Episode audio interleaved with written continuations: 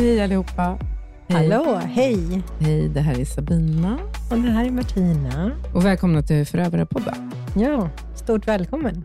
Okej, det här är ju avsnitt eh, fyra. Ja. Ja, och i förra avsnittet hade vi Eva Russ här.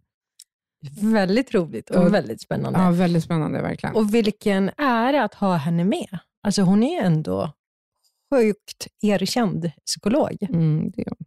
Verkligen. Och otroligt duktig. Väldigt kunnig. Um, ja, och det vi hade tänkt att beröra idag är ju lite så vad som hände efteråt.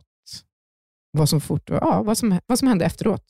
Våra alltså relationer. efter våra, precis. våra relationer. Efter uppbrottet. Efter uppbrottet, precis. Um, och sen också tänkte vi ju, um, ja, det var väl det vi tänkte prata om. jag har massa planer. Typiskt mig bara gå snabbt som sjutton här. Men eh, Martina, eh, vad hände med dig efter eh, uppbrottet med Adam? Alltså, först och främst så var jag sjukt förvirrad och jätteledsen och nedstämd och nedbruten. Så att jag fattade inte överhuvudtaget vad det var som hände. Det var verkligen urjobbigt att ta det här steget och bestämma sig för att aldrig mer gå tillbaka till honom. Jag älskade ju honom enormt, men visste att jag behövde prioritera mitt välmående. Och Jag mådde ju inte bra i relationen på grund av att han ständigt gjorde mig så himla illa. Eh, men vad som hände var att jag fick ju stålsätta mig jättemycket. Jag satte ner foten och bara bestämde mig för att aldrig mer gå tillbaka till honom. Och Det blev liksom ett löfte som jag gav mig själv och som jag har hållit sedan dess. Jag skulle säga att kanske fem, sex månader efter relationen tog slut, det var, det, jag gick in i, i ett hål. Alltså i, jag fick blackout. Jag minns inte eh, de här månaderna direkt efter uppbrottet. Jag minns inte alls vad jag gjorde på min fritid, på mitt jobb. Vad jag minns är att jag mådde otroligt, otroligt dåligt. Mm. Och det gick liksom inte över. Utan det förvärrades och förvärrades hela, hela tiden. Alltså för varje dag som gick ja. så mådde du bara sämre och ja, sämre? Precis. Mm. Och Jag märkte då ganska tydlig skillnad från hur mina övriga relationer hade tagit slut. För då, mm. då var man ju ledsen över att relationen tog slut. Men man hade ju ändå, eh, man, man fick ett avslut och man kunde börja läka. Men det här var ju bara att vi bara, han bara försvann och jag försvann. Så vi hade ingen, så här, inget formellt avslut med varandra. Mm. Vilket också gjorde då att eh, jag inte riktigt förstod vad det var som hände. Mm. Det var jättesvårt för mig att faktiskt eh, förstå om liksom, vad som hände med mig, men också vad som hände med vår relation. Och var det här ytterligare en grej där han kände att han var frånvarande så skulle han komma tillbaka, för det var ju så han gjorde ofta. Att han mm, mm. liksom ghostade i perioder mm. och sen så kom han tillbaka. Var, men var det så att du väntade på att han skulle komma tillbaka? Eller? Eh, jag vänt, ja, det gjorde jag. Mm. Jag tänkte så här, han kommer ju höra av sig säkert till mig. Mm. Men han gjorde ju inte det. Så hur lång, gick, men hur lång tid tog det innan han hörde av sig första gången till dig? Jag skulle säga att det gick kanske ett och ett halvt år. Mm. Över ett år i alla fall. Och Jag hoppades ju på något sätt att han skulle komma till insikt om att han älskar mig och att han vill vara med mig och att han vill be om ursäkt för det han har gjort och ställa allting till rätta och gottgöra mig. Men vid, vid, alltså vid den tidpunkten då, när det hade tagit slut, förstod du att han var sjuk? Nej. Att han inte alltså, är som vi ju, andra du, jag, friska, vettiga, eh, vuxna människor. Jag hade mina är, aningar, mm. men jag hade inte alls riktigt kopplat att, att, det, var, det var, att det var så pass allvarligt. Precis. Nej. Och Jag förstod inte själv att jag utsattes för psykisk misshandel. Och Det här var ju ändå jätteallvarligt eh, då. alltså, alltså allvaret i, i relationen var ju ändå så pass stor. Eh, men jag, det, det var liksom som att jag, det gick inte in hos mig. Jag, och jag skyddade ju honom på något sätt. Eh, Mm. och tänkte och försökte förklara hans beteenden för mig själv. Att, Och hade men- du dåligt samvete också, vad du hade gjort? Ja, precis. Tryckte ner dig själv? Ja, Mm. så var det. Så att, Ja. vad, vad som hände var, det var att, som jag sa, eh, att de här liksom närmsta, alltså efter uppbrottet så var det kanske fem, sex månader av den tiden som jag absolut inte kommer ihåg vad Mm. som hände. Mm. Men sen så ehm, träffade jag en vän till mig, där jag berättade delar av vad som hade hänt. Och Då tyckte hon då att, men Martina, det låter som att du är deprimerad. Du behöver uppsöka en psykolog, sa hon till mig. Och Det var som att hon satte ord på det här som jag eh, gick igenom. Vilket jag också då gjorde. Att jag uppsökte en psykolog, bokade en tid, eh, fick en tid och började gå i terapi. Eh, för att jag mådde så pass dåligt att jag fick, eh, förutom att eh, liksom vara så pass deprimerad som jag var, så fick jag, jag hade ju även självmordstankar. Så att jag ville ju ta mitt liv. Det var inte så att jag försökte praktiskt, men jag ville ändå ta mitt liv. Det var ju de tankarna som liksom far runt inom mig. För jag kände inte att det fanns en mening med mitt liv. Eh, så den här psykologen, när jag väl hamnade där, så genomgick jag olika typer av tester och fick diagnosen eh, en djup, djup depression. Så att jag började medicinera antidepressiva. Jag fick ångestdämpande mediciner och då terapisamtal. Så det var det som var lösningen, eller vägen tillbaka för mig. Och det där pågick kanske ett halvår. Och, och antidepressiva så tog jag kanske ett år. Eh, men sen så kände jag att liksom, ju mer tiden gick så blev jag ju bättre och bättre. Och jag tror att det var ju tack vare de här antidepressiva och terapisamtalen som jag hade. Ja, Martina, det är jättesorgligt att höra verkligen. Men du kände att det blev bättre och bättre? Det blev bättre, det blev bättre och nu är jag liksom så himla glad att jag inte tog mitt liv. Mm. För att jag var ju en, i en extrem djup svacka. Jag har ju aldrig någonsin varit så pass lågt nere. Det är klart jag har ju haft lite eh, sämre perioder i mitt liv där man har Men känt sig lite har. deppig. Ja. Ja. Men det här var på en helt annan nivå. Det var som att jag inte kände igen mig själv. Och jag tappade livslusten helt och hållet. Jag vet att jag jobbade, för att jag fortsatte jobba. Men att jag eh, fick ju rekommendation att sjukskriva... Martinas hund är lite... Hon har en hundvalp här. Ehm, Som är väldigt mammig. Ja. Eh, eh, nej, men jag fick rekommendation att sjukskriva mig. Eh, Gjorde du det? eh, nej. Och de ville ju ta in mig på något behandlingshem för att jag skulle eh, bli bättre. Mm. Men jag kände så här, gud, jag vågar inte riktigt göra det. Så att jag fortsatte liksom leva. Men då sa jag så här, men jag vill ha liksom, starkaste medicinerna som finns. Så att jag kan börja använda det. Men för att jag vill ändå upprätthålla någon slags normalitet i mitt liv. Så att jag fortsatte jobba. Men jag var inte alls effektiv på jobbet. För att jag var ju så himla eh, deprimerad och mådde, mådde så dåligt. Men märkte din omgivning det här? Som dina Eh, arbetskollegor? Nej, eh, min chef visste om det här.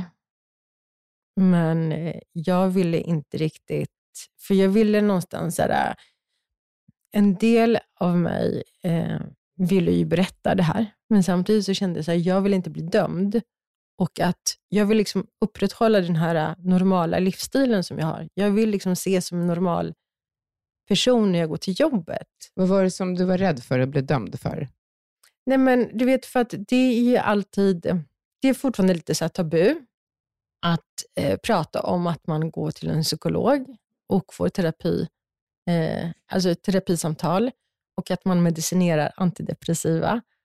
Eh, då ses man väldigt, alltså det är den erfarenheten jag har, att man ses av omgivningen, att man är lite Man är svag. Att man är svag och man har liksom psykiska problem och att man inte kan jobba och utföra sina arbetsuppgifter på ett bra sätt. Så att jag ville undvika allt det här och fortsätta jobba på som vanligt. Men funkar det bra? Eh, som sagt, jag var inte väldigt, eh, jag var inte jätteeffektiv. Hade det Eh. varit värre att vara hemma för dig? Eller? Ja, det tror jag. Mm. Det tror jag. För det jag gjorde liksom när jag kom tillbaka till, eh, alltså efter jobbet, så jag, hade jag alltid bråttom hem. Och eh, när jag kom hem så gick jag bara in i sovrummet och la mig i sängen. Det var så jag tillbringade kanske ett halvår. Eh, efter, alltså efter jag fick den här diagnosen. Så jag umgicks inte med några vänner. Jag isolerade mig själv för att jag ville. Jag bara kände att det var för mycket. Jag, och jag orkade liksom inte berätta det här för omgivningen. Så det var ju inte många som visste om det här ens. Nej, för det finns, varför jag frågar var, är också så här, du, du säger att du vill inte bli dömd. Var det också det du hade varit med om med Adam, som du kände att du kan bli dömd för det? Ja, precis. Att eh, Jag var ju rädd att folk skulle säga så här, men vad då? Så du har ju tillåtit dig att bli misshandlad av honom Mm. och ändå så stannade du kvar. Du, Du vill inte vara... bli ifrågasatt? Nej, jag vill inte bli ifrågasatt. hade du blivit det under tiden av någon? Nej, för det var inte några, alltså det var inte många som visste om det här, att jag hade en relation med honom överhuvudtaget. Nej. Eftersom han ville ju ha det på det sättet. Han ville ju hemlighålla mig. Just det. Så att jag kunde inte heller, det var ju några vänner till mig som han träffade och jag var ju öppen om att jag var med honom eh, till mina närmsta vänner. Men det, de var ju väldigt få, de här som visste om det. Så att jag var ju väldigt, alltså jag drog mig tillbaka väldigt Precis, du mycket. vågade inte riktigt öppna det just för att du skulle bli ifrågasatt. Ja, plus att det var också jobbigt att prata om det. För då kände jag så här, om jag börjar, liksom börja nämna hans namn, så skulle jag börja liksom bryta Riva, ihop. riva upp sår Ja, och sådär. ja. Mm. Så det var ju väldigt svårt för mig att formulera mig i ord. Och, och liksom, det här samtalet som du och jag har nu, det hade jag aldrig kunnat ha då, när jag var som liksom värst deprimerad. För då hade jag inte kunnat genomföra det, eftersom jag hade gråtit hela, hela tiden. Jag förstår. Men sen blev det bättre för dig. Det blev bättre för mig. Eh, och sen så, eh, under tiden då som jag mådde som, som jätte, jättedåligt, så försökte jag också på något sätt samla ihop mina tankar så gott det gick och försökte reda ut vad det var som jag var med om. Och jag sökt, började söka på information. Så att jag sökte då just på psykisk misshandel och Det ledde mig in på att jag hittade det här om narcissister och psykopater. Och när jag läste på just specifikt om narcissister så var det som att det stämde väldigt, väldigt mycket in på Adam. Så då hade jag ändå, jag var liksom glad, för det blev en lättnad för mig att jag eh, hittade den här informationen om narcissister. För då kände jag att jag fick lite beskrivning av vem han var och vad jag faktiskt hade varit med om. Det måste ju varit en sån befrielse för dig, Martina, att eh, få läsa om Ja, vad du har varit med Ja, om. och allting stämde ju till punkt och pricka med honom.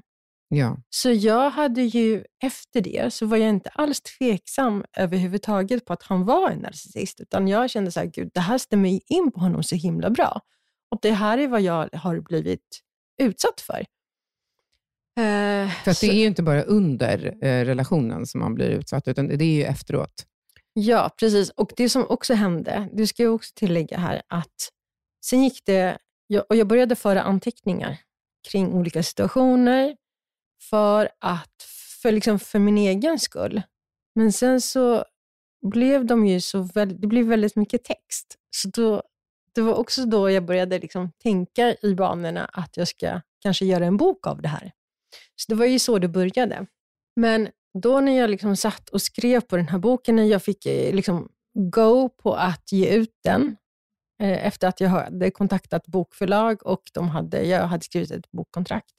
Så då startade jag upp det här Instagram-kontot som jag liksom gjorde publikt. Jag öppnade upp det för att börja skriva om det här inlägg, alltså göra inlägg om narcissister och skriva om psykisk misshandel för att väcka intresse. Och jag fick ganska många följare ganska snabbt. Men då eftersom det här kontot var öppet, tror du inte att Adam börjar Följare? han började, men han började googla, för jag hade ju blockat honom, men han har ju gått in via Google, antar jag. Så han följer det Just jag det, gör. precis, exakt. Och sen så Mm. hör, hör han av, börjar han höra av sig till mig från ingenstans. Och det här är ju också det här som blir så Och han undrar knasigt. kanske vem som du var tillsammans med som var Ja, för narcissist. han- Vem- ja, men- ja, vem- men vad- precis. Vem utav exen var det? För han skrev så här, men du skriver om en man som, Mm. som misshandlade psykiskt och som var narcissist. Jag hoppas det är inte mig du menar. Nej, men du, För- det var så alltså? Ja, ja, ja. Jaha, jag skämtade. nej, nej, han skrev But så på riktigt. please, Alltså. Så noll Jag är självinsikt hela tiden. Jag är inte förvånad. Eh, men vad som hände med mig då, när de här mejlen, för han blev väldigt intensiv med att skriva, för de kom ju liksom stup i kvarten. Och då kände jag liksom att jag triggades igång, så att pulsen gick upp igen. För att det är ju så här, jag hade liksom på något sätt begravt honom och avslutat då, för, alltså, på mitt, alltså för mig själv, vår relation och tänkte att nu kommer han ju inte höra av sig till mig mer. Men då dyker han upp från, igen, från ingenstans och, ska, och vill träffa mig. Säger att han har sett mig på stan, vilket inte stämde. För att jag var inte ens Du har där. varit isolerad. För att jag var isolerad och jag var ju liksom inte där i det området som han säger att han har liksom sett mig. Så alla möjliga tricks och knep för att jag ska... Alltså han pro- ville provocera fram ett svar från mig. Också försöka hovra Ja, in dig igen. såklart. Och eh, då... Eh, men det som hände inom mig det var att jag blev ju triggad av det här. Jag svarade ju inte honom. På vilket sätt blev du triggad? Alltså, Eh, blev, du, blev du stressad? Jag blev jäktad? jättestressad. Ja, jag mm. blev jättestressad. Jag fick hjärtklappning. Det var liksom svett, så här, svettvallningar som, liksom, som kom över mig. Sömnsvårigheter. Sömnsvårigheter. Jag började liksom tänka. Mm. Det var som att jag färdades tillbaka mentalt till vår relation och det han hade gjort. Och Det här är något jätteviktigt som du faktiskt säger nu Martina. Det är precis det som händer. Att man färdas tillbaka precis som att man är fortfarande i relationen. Och Det, kan ju vara, det där kan ju ta olika lång tid för olika eh, människor. Vissa tar det bara några månader, ja, flera år. Och det, nu kan vi prata om, alltså, jag vet ju ehm, folk som har varit i lite längre relationer där de fortfarande, fortfarande inte riktigt kan prata om det. Och det har gått tio år. Ja, ja, det är inte helt ovanligt. Det är inte helt ovanligt. Så det finns ju många tecken på hur, hur, dåligt man kan, hur verkligen dåligt man kan må efteråt. Och Då kan det vara alltså, i form av ätstörningar, sömnsvårigheter, depressioner. Eh, det kan bli fysiskt håravfall.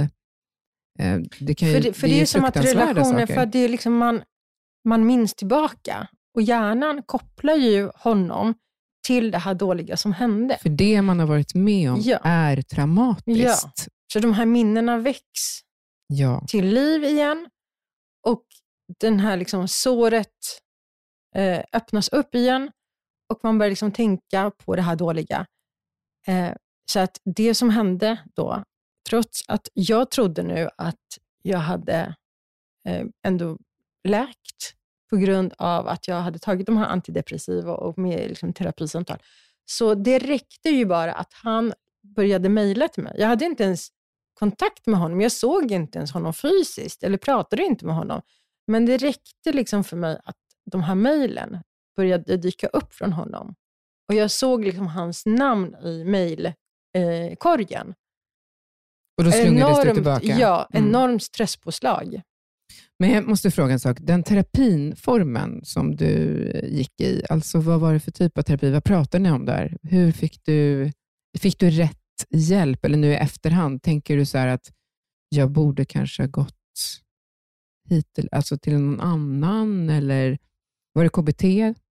Det var KBT eh, och jag tyckte att det hjälpte mig. Eh, men jag kan tycka att jag kom till den här psykologen alldeles för sent in i processen. Just det. Mm.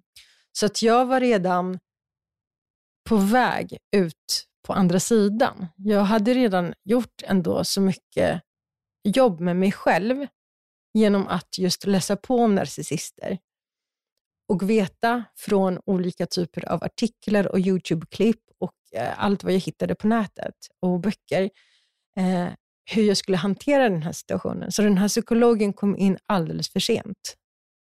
För jag borde ha liksom sökt ni, upp... Ja, jag förstår. Jag borde ha sökt tidigt. upp en psykolog långt tidigare, alltså direkt efter relationen tog slut. Men är det inte så att du var så uppslukad i relationen så det fanns inte utrymme till ens att tänka på att du ska gå i terapi? Ja, för jag fattade ju inte heller Jag att jag, var Jag det. deprimerad. Mm. Så att eh, jag kan tycka, det hjälpte mig, för att hon, det var en hon, eh, hon, jag tyckte att hon var jättebra, för att hon var, alltså stod på min sida och förstod mig och förstod exakt vad jag hade varit med om. Okej, så ni, ni, det var det ni pratade om? Ja, vi pratade Mest, om eh, min relation, vad han hade gjort, vad, hur jag mådde kring det här. Eh, hon gjorde tester på mig, ehm, gav mig typ uppgifter som jag skulle göra eh, Mm. de dagarna när inte jag träffade henne och sen så följdes det upp nästa gång vi träffades. Eh, jag tyckte att hon var bra på det sättet att hon eh, alltså förstod min situation och kunde sätta sig in i, okej, jag har, liksom, jag har liksom varit offer för en narcissist. Eh, så det var ju bra, att jag fick en, liksom, en förståelse av henne. Mm, vad skönt att höra, verkligen. Men som sagt, hon borde kommit in långt, långt tidigare i processen. Mm. Och det var ju egentligen mitt eget fel, för det var jag som kontaktade henne så pass sent. Sen, eh, alltså jag skrev ju den här, på den här boken under tiden och det var ju också en hjälp för mig. Det, var ja, det blir också en slags terapi. Ja, precis. För att man får liksom skriva av sig och jag vet ju att det kommer bli en bok, så det blir någonting konkret och jag kan hjälpa andra. Och Det var för mig helt fantastiskt att kunna göra det, för det var ju mitt syfte med boken. Det var inte att tjäna pengar, det var inte att outa honom, utan jag ville använda min egen historia för att eh, skapa igenkänning hos andra och sen hjälpa andra i sina destruktiva relationer. Och bara liksom att få det uppdraget var ju fantastiskt roligt och stärkande för mig. Så det blev ju som en terapi i sig. Sen efter att boken kom ut så började ju Adam naturligtvis höra av sig till mig jämt och ständigt och gör det fortfarande. Men nu kan jag ju hantera det här på ett, på ett helt annat sätt. Nu är jag ju liksom mer cool med det här och han väcker ju inga känslor hos mig överhuvudtaget. Jag är helt likgiltig när det gäller honom. Så himla skönt att höra, Mm. Martina. Mm. Och nu sitter vi här, Och nu sitter vi här och pratar om det här. helt utan några som helst triggers. Ja, Ja, precis. Det är så underbart. Det är så härligt. Och det är därför vi kan göra det här också. Ja. Och då kan vi komma till syftet med också att vi har den här podden. Mm. Det är ju verkligen eh, för oss båda, det var någonting vi hittade väldigt snabbt hos varandra, att vi vill hjälpa andra.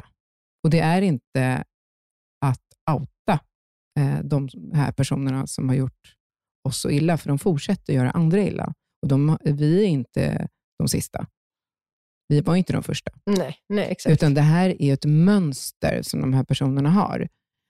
Ehm, och det tar ju aldrig slut. Och då är det så himla, det var, var det så himla tydligt för mig. För att jag eh, sa ju det till honom väldigt tydligt. Jag hoppas att du aldrig någonsin gör en kvinna illa igen. Och speciellt inte om hon har barn sedan tidigare. Jag vill inte att de ska fara illa. Det var det enda jag tänkte på. Sa du det till honom? Jag sa det till Precis. honom, jag sa det till hans släkt.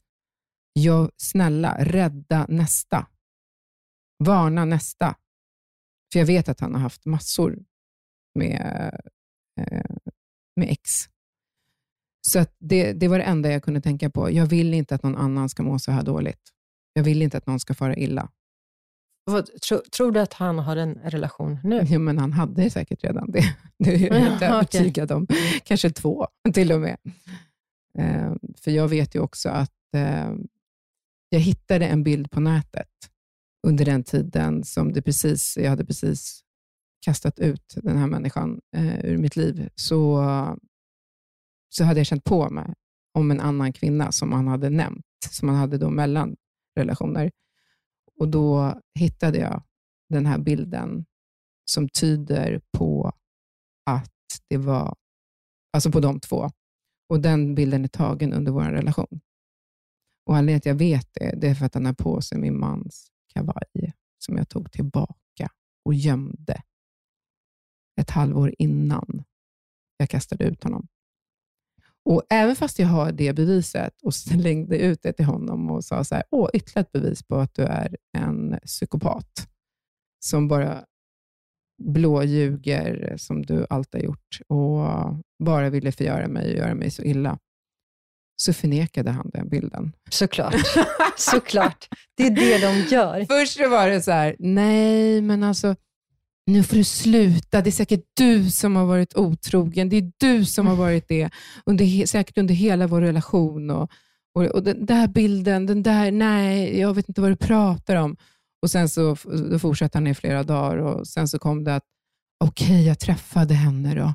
Men det var bara för att hon var så deprimerad över att hon var så kär i sin kille och jag hade så mycket problem med dig. Mm, snyft, snyft.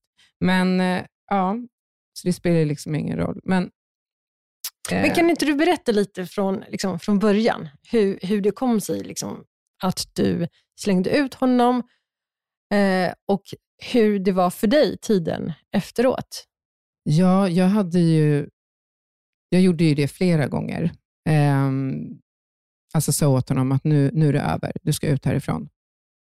För första när han blivit fysisk, vilket han var två gånger, och sen så skrämde han ju livet ur oss flera gånger med vredesutbrott och det var mycket gap och skrik här och det började ju med att han, de här elakheterna, de här fruktansvärda kommentarerna och de här nedsättande kommentarerna, det, det skedde ju bara när vi var själva och aldrig framför barnen. Och de här uh, utbrotten var också bara när vi var själva, men sen så vart det, det eskalerade ju. Så det finns ju liksom en... För han vill inte ha några vittnen såklart. De vill ju inte det. Och Det finns ju olika skalor hur de beter sig och det blir bara värre och värre. Och de vet om det. De vet om att det eskalerar. Så det kändes ju som att det fanns en... Nej, men det var som att han visste ju hela tiden att mm, snart är Sabinas tålamod slut. Snart kommer Sabina vakna upp, därför att de, eh, ja, man avslöjar dem ju mer och mer. Och ju mer påläst man blir, desto galnare säger ju ofta narcissisten, psykopaten, att du är. Så är det. Så är det. Och det var, det, det var ju väldigt, väldigt tydligt. Han skyllde mycket, mycket på min eh, ADHD, på att jag var chef. Jag har varit chef och säkert tryckt ner massa människor. eh, förlåt, jag skrattar. Ja. Eh, att jag tryckt ner massa människor. Du kan inte ta hit ditt chefskap hem hit. Och han, han tryckte på allt möjligt, att jag var så otroligt jobbig att leva med och jag var så flörtig och jag kunde inte prata med han på gymmet, 19-åringen, för att eh, ja, jag ville ju ha honom och så vidare. Så det var ju så fruktansvärt jobbigt att leva med mig. Men för att bara sammanställa allting så, så blev det så himla klart för mig, inte, inte ens när han hade varit fysisk, så kunde jag liksom verkligen avsluta det helt och hållet. Och då var det ju, och det berättade jag inte för någon heller. Jag var ju tyst om det. Och Jag vet att det var några vänner som frågade, men har han, eh, har han gjort det illa fysiskt? Nej, sa jag. Och det är för att man vill skydda. Mm. Nej, men det är bra. Det är bra, det är bättre nu. Men det varit mer och mer tydligt vem jag hade att göra med. Också, eh, du började gå i terapi, som du säger, för sent. Jag har ju gått i terapi sedan min man gick bort en helt fantastisk människa som jag har hamnat hos, eh, som har hjälpt mig mycket. Och Hon har ju då följt mig och, och jag vet att det varit väldigt tydligt när hon sa att det är bara en tidsfråga innan han kanske slår dig. Så att jag vill inte att du ska komma dit, för att det här kommer bara eskalera. Och jag skrattar åt henne och säger det kommer inte hända. Men när han började gapa och skrika då framför barnen och sådär, och det var då när jag började spela in honom för att faktiskt hjälpa honom i sin utredning, om ni har lyssnat på avsnitt två, där jag pratar eh, om min historia, så var det ju så att eh, han eh, blev ju då jätterädd. För det är ofta det de är inombords. De är ju rädd, jätterädda att bli avslöjade på alla möjliga sätt och avvisade. För de själva som vill avvisa, såklart. För deras ego. Och Då så sa han att Nej, men jag, går, jag, jag ska göra en utredning. Och Då var det så himla tydligt också under de här, när jag lyssnade på de här inspelningarna. Vad är det för människa jag har att göra med? Hur kan jag tillåta mig själv att bli behandlad på det här vänta, sättet? Vänta, vänta. Lyssnade du direkt efter du hade spelat in, eller lyssnade, tog det liksom tid för dig att kunna spela upp dem? Det var lite olika faktiskt. Jag lyssnade på dem ofta, alltså inte direkt för att jag var ju så himla förkrossad. Du har ju lyssnat på vissa inspelningar, mm. eller mm. ja, några mm. stycken. Um, man var ju så förkrossad efteråt, så det var inte en tanke på att jag skulle lyssna på det, utan det kanske gick några dagar. Och sen när jag lyssnade på dem så var, var det så himla tydligt för mig. Och sen när jag bestämde mig där på mors dag, eh, att nej, nu får det vara, nu får det vara, nu får det vara nog, när han verkligen ville förgöra mig. För det var ju det han ville. Eh, och var väldigt hotfull och var fysiskt hotfull också. Hoppade fram liksom och, och skrämde mig och, och, och barnen och allt. Och det var då var, det, då var det så himla tydligt att du ska ut härifrån. Och Då fick jag en paus. Och Då var jag bara hemma och började gå igenom, precis som du säger, läste all information. Jag fick jättemycket Men han flyttade ut alltså? Han fick flytta ut tillfälligt. Um, men jag visste ju att det var inte tillfälligt. Utan det här... Men du sa till honom att det var att ni, att ni skulle ta en paus? Ja, vi skulle ta en paus. Och för, för honom var det väldigt, väldigt viktigt att det skulle absolut inte ta slut. För han skulle gå igenom den här utredningen. Och det var ju det är också väldigt skämmigt för honom att bli utkastad för att han var tvungen att flytta hem. Och vad ska alla säga? Mm. Och Det är det enda de bryr sig om. Ja. Det är det enda de bryr sig om. Det är vad omgivningen mm. ska säga vad omgivningen ska tycka och tänka. Så det här ska ju egentligen ske väldigt, väldigt snyggt. Ja, för, för han, har, ju, ja, för mm. han har säkert målat upp en bild för sin omgivning att eh, ni bor här tillsammans och det här är hans hus säkert. Mm. Och eh, kört väldigt mycket alltså skitsnack kring er relation och oh ja, lyft oh ja. sig själv. Ja, och jag minns en av hans så kallade vänner, för han hade inte, absolut inte många, sa till mig, du måste vara rädd om Erik. Han är väldigt känslig person. Var rädd om honom. Han är otroligt skör. Då tittade jag på honom och tänkte, vad i helskotta har han lurat i honom? och jag kunde, inte, jag kunde inte få fram ett ord. Nej, för man blir så chockad. När för man ser säga, en annan sida börja? av människa. Var ska jag ens börja? Och hur ska jag ens förklara att den här människan ja, är genomelak och helt fruktansvärd och allting som kommer ur hans mun är bara rena lögner. Rena lögner. Och så fort man försökte ifrågasätta på något sätt, eller fråga om någonting, för att han inte var så himla snabb att komma på en lögn, eller kände sig hotad, då blev han ju förbannad. Mm. fick man inte fråga. Gud vad jag känner igen det där. Ja, ja. Jätteirriterad. Och då är det jag som har startat igång ett bråk. Ja, ja, ja. Och det är jag som skapar dålig ja. stämning. Ja, ja. Adam sa hela tiden till mig, så här, det är du som hela tiden vill bråka. Du vill tjafsa. Du vill bråka och tjafsa. Ja, precis. Exakt. När man jo, bara försöker liksom ja. reda ut grejer, ha en vanlig dialog med Och det är det sin... som inte går nej, med dem. Nej, nej. finns inte en chans. Så att för honom var det otroligt skämmigt att eh, han inte fick bo här. Så det var väldigt, väldigt viktigt för honom att han fick ändå ha sina saker kvar, att vi fortfarande var ett par och så vidare. Och Då började jag förstå, för då läste jag, jag fick jättemycket hjälp med terapin och eh, väldigt mycket information och eh, mycket stöttning och mycket förståelse. Jag förstod jag, vem jag hade att göra med och jag förstod också vad, hur jag skulle, att, att, att det, det finns ingen räddning. Att det här, måste, det här måste ta ett slut. Det måste ta slut och jag kan absolut inte vara kvar i den här fruktansvärda relationen. Aldrig i livet.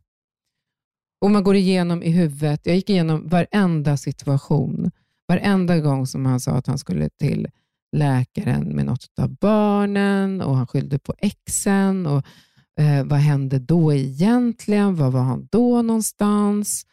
Och Det var ju så mycket situationer som man inte kunde få ihop i huvudet, men det fick man ju nu i efterhand, för nu fanns det alla svar. Det finns ju liksom, det är som en instruktionsbok där ute. Mm. Och det funkar, det, de är likadana allihopa. Ja. Det är det som är så skrämmande. Det är otroligt Men det gäller, skrämmande. Det gäller, alltså information finns om man vet vad man ska leta efter. Men många vet ju inte det. De vet ju inte liksom att de har blivit eh, utsatta för psykisk misshandel och fysisk misshandel och vem det är som faktiskt står bakom den här misshandeln. Så för att kunna ta reda på mer information så måste man ändå ha eh, veta att det är en narcissist man, man har att göra med, eller en psykopat. Men så, så efter tiden då, så, eller under tiden så hittade jag jättemycket information. Som sagt, jag slukade information. Eh, sen när jag väl hade bestämt mig då och, och verkligen göra som jag inte kan rekommendera att man ska göra, men jag, jag visste precis vad jag höll på med. Det var att jag, det var ingenting jag gjorde i affekt. Jag visste att nu ska jag kasta ut honom och jag gjorde det väldigt, väldigt tydligt. Och, och, och ja, så tydligt som man kan göra det, faktiskt. Eh, ut härifrån, jag vill aldrig mer se dig, du kommer inte i närheten av mig och mina barn. Eh, du har en månad på dig att hämta dina grejer, jag packar dem i garaget eh, och får tillbaka nycklarna. Och du får skriva någon annanstans nu. Ehm. Hur reagerade han på det? Nej, han, accepterade han, eller liksom, sa han emot? Ville han tjafsa? Inte. Nej, men han uh, försökte dra in min släkt. Han uh, började ringa till uh, mina syskon, kontakta dem och säger att allting Sabina säger om mig, det stämmer inte. Jag har låst in honom och jag har gjort ja, men, massa så här påhittade hemskheter. Um, och Man kan inte kasta ut en person. Det är väldigt synd om honom då och han har inte gjort någonting. Han är totalt oskyldig. Det är klart att vi har varit lite osams. Vi vet inte var allt det här kommer ifrån. Uh, och han vägrar lämna tillbaka nycklarna. Men så det var, det var, det var ett litet helsike. Um, men jag var väldigt säker på att nej, ingen mer. Och Sen så förstod ju han att det verkligen var över. Men då ville han ändå kolla med mig att ja, nu har jag ska jag buda på den här lägenheten? Är du säker på att jag ska göra det? sådana där grejer. Ja, sådana där grejer kom det. Uh, och är du säker på att det här är det du vill nu? För nu tar jag det här steget. Jag bara, yes please! Ta steget. Köp lägenheten. Um, bye bye, jag vill bara bli av med dig. ja. En i min släkt ifrågasatte, jaha, men om man nu varit fysisk, varför har du inte polisanmält? Jaha, varför ringer du hans ex? Varför då? Det är ju bara att komma över det och så vidare. Och eh, När man blir så ifrågasatt i den här situationen, det är, ja, det är ju som att bli utsatt igen. Ja, efter våldet. Efter våldet. Och Det här är för mig det, ja, det är ganska oförlåtligt faktiskt. Um, jag kan inte förstå hur man kan bete sig på det sättet. Det kändes otroligt hårt, för att jag fick en armé av vänner som stöttade mig. Helt fantastiskt. För det han gjorde sen när han förstod att det verkligen var över, det var att kontakta alla mina vänner. Och inte bara mina vänner, mina vänners män. Vissa han bara träffade en gång, vissa två gånger. Ingen nappade. Och det... Gud, vad, gud vad, vad skönt. Vilken jäkla tur. Ja, att de inte... Det gäller att ha bra vänner, smarta Ja, vänner. och- ja. Smarta vänner. Nej, men också Ja. så här, för att de kan ju också vara väldigt trovärdiga i det de Otroligt säger. trovärdiga. Och det är faktiskt Mm. inte helt svårt för dem att få över folk på sin sida. Mm. Men, eh, Men så, som tur är så har jag vänner som jag har känt Ja, och mina vänner, alltså, jag har ju känt dem i över 20 år. Många av dem i över 20 år. Och vissa är 25 år. Och Jag har en ganska stor vänskapskrets och det är fantastiska människor eh, som jag eh, verkligen älskar och ser som familj. Och De var ju så otroligt beskyddande, verkligen. Att eh, nej, han, han har inte en chans. Han Men var det inte så att de redan under tiden ni var ihop, att de Jo. hade lite så här frågetecken kring hans person Ja. och vem han var? Och, Ja, Men de sa inte det till dig då? de sa inte det till mig då. Så jag kan förstå det. Så de kände på sig att någonting ja, inte var... vissa, utav dem, vissa utav dem var så här, nej, vad är, alltså, vad är det här för människa? De, de berättar ju då efterhand hur de har suttit och pratat då sinsemellan.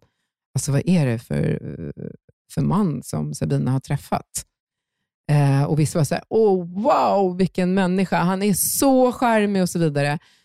För det var lite olika. Det var på också vilket om han kände sig lite osäker för att de var så starka personligheter och kunde, se rakt igenom honom, då vart ju han väldigt tyst. Och Då vart de ännu mer på och ännu mer frågvisa. Och så vart han ännu tystare, för han ville inte liksom avslöja sig själv. Och Han vart ju osäker. Och för mig var jag uppe i min värld och bara, oh! Och de här röda flaggorna som jag ser, de är ju bara som... Vad är det för något som kommer? För egentligen är det ju- jag, i, Idag hade jag ju sett det på ett annorlunda sätt. Men eh, jag tyckte bara att han var helt fantastisk och jag var kär och det var en underbar människa som jag hade träffat. Men det var vissa av dem som bara, nej, det här är inte bra. Det här är inte bra alls. det, det spelar ingen roll vad omgivningen säger, utan man måste ju nå sitt absoluta botten med den här människan innan man faktiskt Mm. kan säga själv, äh, ha en åsikt och bedöma situationen.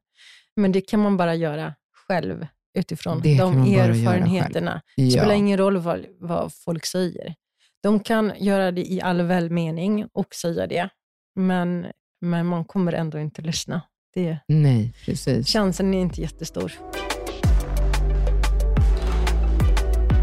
De berättade ju för mig hela tiden då, under, under tiden att ja, nu har jag blivit kontaktad av honom. Han har ringt mig massa och, och sen eh, smsat. Då. Men de ville skydda mig. Så de berättade inte det förrän kanske några dagar senare när vi sågs. De berättade inte det med en gång, för de visste att jag var mitt i det, liksom hade precis brutit upp och det var ganska kaosigt och det var väldigt, väldigt jobbigt. För att jag eh, hamnade, jag hamnade inte i en depression, men däremot så, så hände det så otroligt mycket saker inom mig. Att jag, när jag fick ihop pusslet och när jag förstod att det här var verkligen en djävul som jag hade haft i, min, i mitt hus, så kom det en otroligt, alltså en känsla av dåligt samvete blandat med sorg, ilska. Jag ville rädda nästa, som säkert redan befann sig i hans liv. Jag eh, kände mig otillräcklig. Jag ville bara rädda, rädda, rädda och rädda mina barn framför allt. Jag tänkte, vad har jag utsatt dem för? Och Det är någonting som jag kommer få leva med hela mitt liv. Men eh, ja, så jag fick eh, otroligt mycket information, mycket hjälp och eh, det blev snarare så här, jäklar alltså, vad jag ska leva mitt liv och vad jag ska må så himla bra. Och jag ska aldrig mer, aldrig mer befinna mig i den här situationen igen, någonsin. Och jag ska hjälpa andra. Och jag vet bara att jag kommer göra det. Men jag vet inte riktigt hur. Men jag skrev ner otroligt mycket under vår relation. Jag skrev hur mycket som helst och jag har alla de här inspelningarna.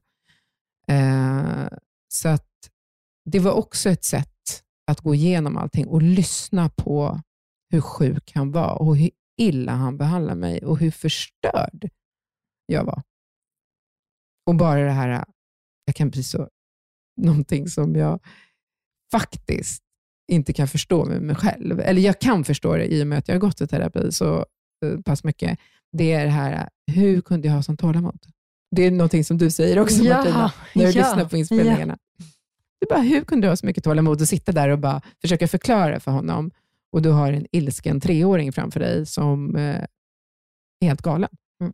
Och jag kan inte förstå det, men jag vet ju varför. Det har ju från, för mig i alla fall, så är det så att eh, det är ju från min uppväxt, att jag inte har fått eh, kärlek eller eh, blivit stöttad, blivit sedd, lyssnad på. Så jag vet ju att det man saknar, om det är nu så att man saknar narcissisten, psykopaten, så är det inte det man saknar. Det är inte dem man saknar, utan det man saknar det är den känslan av att ha någon som säger att de älskar en. Ja, men de speglar ju hela tiden dig. Mirroring, Ja. precis. De Exakt. speglar ju vem du är, du, hur du pratar, hur du uttrycker dig, vad du gör, dina hobbys, din livsstil. Mm. Allting som du är. Alltså, så du blir egentligen kär i dig själv, för att de speglar dig så himla bra. Precis. Du tror de första liksom att sex du har månaderna hittat- är du ju dödskär Ja. i, i dig själv. Ja, exakt. Så man tror För- att man har hittat sin Ja, man- eh, Exakt, för att ni kommer så himla bra överens och Mm. ni har eh, Mm. liknande... Ja, men alla eh, intressen är precis likadana. Ja, exakt. Ja, ja. Du vet du vad som var så sjukt eh, jättekonstigt med mig och Adam? Alltså vi gick nästan klädda på samma sätt. Jag kommer, Scary! Ja. han tog ju liksom efter här mig. Adidas-overaller som var Nej, men så här, jag, men så här, jag minns en specifik gång när vi var ute och åt. Han hade på sig exakt samma kläder som jag hade på mig. Jag hade på mig jeans, en vit skjorta och en så här svart stickad tröja. Nu är det för sig kanske inte jätteovanligt, men han satte på sig exakt samma kläder som jag. Mm. Så han gick, vi gick ut och såg ut som tvillingar. Men skrattade ni åt det eller tänkte du på det? Eller? Alltså vet du, jag tänkte på det och jag kände mig så himla obekväm. Så jag hade den här svarta stickade tröjan som jag bara var tvungen att ta av mig och bara ha den här vita blusen på mig. Mm. Och han satt Och kvar... typ knyta den? Så här, så ja, men för att magen- göra någonting annorlunda så inte vi såg ut som två tvillingar. Alltså så jäkla... Mm. Men det, det, men, Obehagligt. men det, det, ja, precis. Och du tycker du, nu tyckte du att det var obehagligt, men, men det andra är inte så obehagligt. Det andra är ju bara helt fantastiskt, att man har hittat sin själsfrände på något sätt. Och man tänker att det här är mitt livs kärlek. Och det är Ja, det ja, de gud, säger ja. också, att ja. jag har aldrig känt så här någonsin. Jag har jättesvårt att bli kär Sabina. Jag har aldrig känt de här känslorna Mm. för någon förut. Åh gud, det säger ju Adam fortfarande fram till nu. Mm. Okej. Och han säger det till två till. Men- ja, minst. Och har sagt det under hela sitt liv. Ja. Ehm, och Det här är ju typiskt dem. För att bara reda ut några begrepp. Du har ju fått lite kritik, eh, Martina, att eh, du då säger att Adam är narcissist. Mm. Ja, det är några personer som har eh, uttryckt eh, starka åsikter och vill då trycka ner mig och tycker inte att jag har rätt som en liksom partner till den här eh, Adam.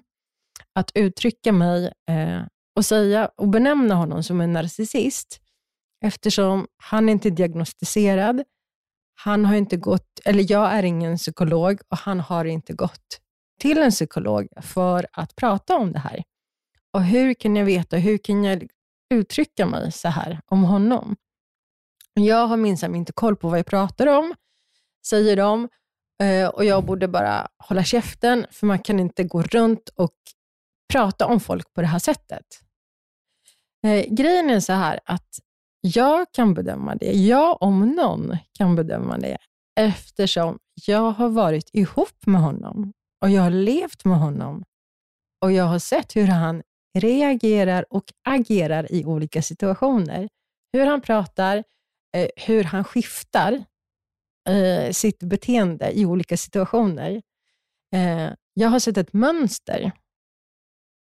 Och jag är så pass påläst om det här, så att jag vet ju vad jag pratar om.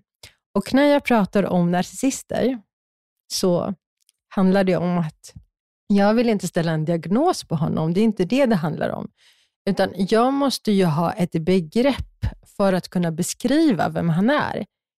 Det är som att förklara för någon att eh, den här personen har en viss personlighet. Det finns ju introverta människor, det finns extroverta, det finns kvällsmänniskor, det finns morgonmänniskor. Det här Blyga är en, människor. det finns blyga människor. Det här är en, att säga att någon är en narcissist, det är att beskriva den personens egenskaper. Ja.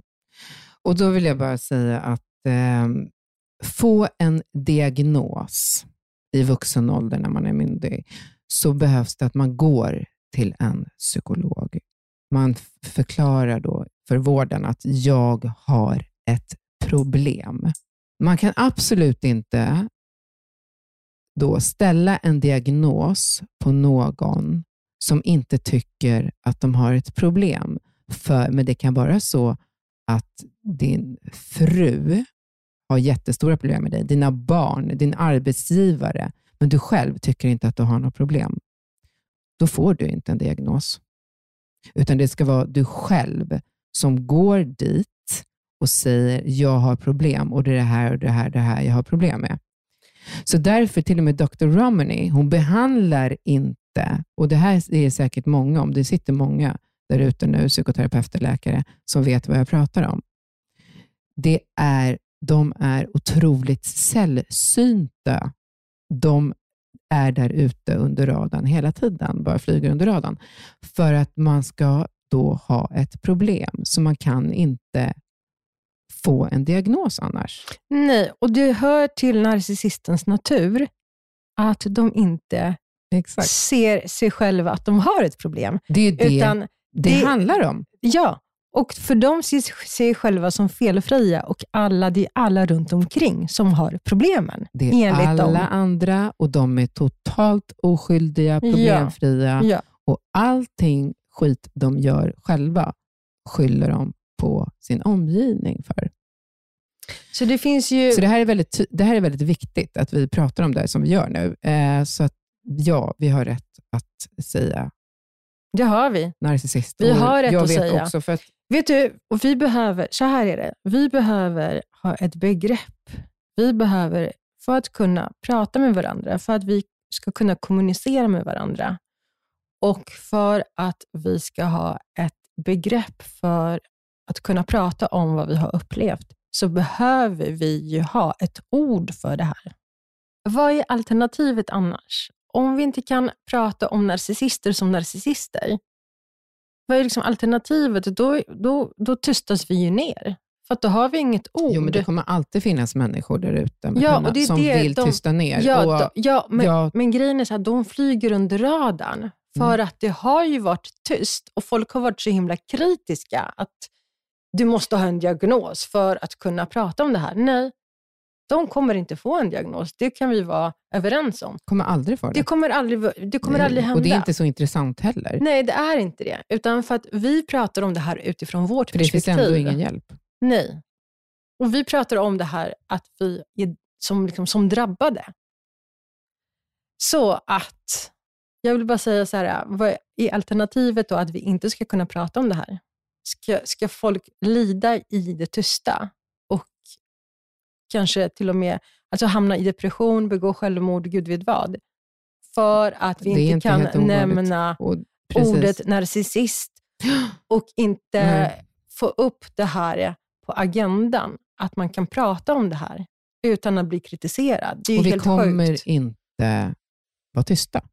Vi kommer inte vara tysta. Jag kommer aldrig vara tyst om det här. Nej, verkligen inte. Det, det finns ett eh, bra klipp faktiskt, där Dr. Romney förklarar precis det här. Och eh, Jag tänkte att vi skulle spela upp det. Och Det är, eh, eh finns på YouTube och jag vet inte, hon har väl en miljon avsnitt där. hon har i alla fall eh, eh 879 000 eh, prenumeranter. Oj, oj, oj. Ehm, Lite mer än vad vi har i vår podd. Ja, men det är ungefär. Vi, vi är ganska nära där. Men, eh, det, här, det här var ju spelades in för ett år sedan. Det finns otroligt mycket information där. Everything you need to know about the seven types of narcissists. Och där förklarar hon väldigt tydligt eh, begreppen och så vidare. Så jag tänkte spela upp det. Clear in this introduction before we proceed it's a distinction I've made before, it's a distinction I'll make again, and I'm going to make it now, which is the difference between narcissism and narcissistic personality disorder. It is an important distinction because something that many people take umbrage at, and some of you who may have been th- in, in therapy may have said, Oh, you've gone into therapy and said, You know, to my therapist, you'll say, kind of think my husband's a narcissist, and your therapist might have said, You have no right to diagnose them, blah, blah, blah. You're not diagnosing them. I've said this over and over again. Although narcissism feels like a very clinical term, it's really not. It is a it's a description. Vi ska inte tystas ner och vi behöver lyfta det här ämnet upp till ytan. Och Syftet med eh, den här podden är ju som sagt att hjälpa andra för att frigöra sig. För det kan vara din chef, det kan vara ett syskon, det kan vara ditt vuxna barn, det kan vara då en partner, en förälder. Och Det är därför som vi gör det här. Just för att lyfta och hjälpa andra människor. Precis, vi vill eh, sprida kunskap om det här och sprida våra erfarenheter för att rädda andra. Och det går att ta sig ur. Ja, Ja, titta på oss. vilka stjärnor vi Det är. går att ta sig ur och må så jäkla, jäkla bra. Ja. Ja, okej. Sköt om er. Hörni, så... vänta. Vi Ja. måste... Vad ska vi vänta med? Nej, Vad ska vi göra? Vad ska vi göra nu? Vi behöver göra lite PR för vårt Ja. Instakonto. Gud, tur att vi har dig Martina. Så jag hade totalt bort eh, det. innan vi säger hej då så vill vi uppmana eh, dig som lyssnare att följa oss på Instagram, där vi finns på kontot Förövarepodden. Och sen har vi en hemsida också, som heter förövare.se. Så välkommen in. Ja, välkommen dit hörni. Och hör av er om ni har några frågor. Ja, och vi hörs snart ja, igen. Det gör vi. Sköt om er allihopa. Ja, hej, hej. hej.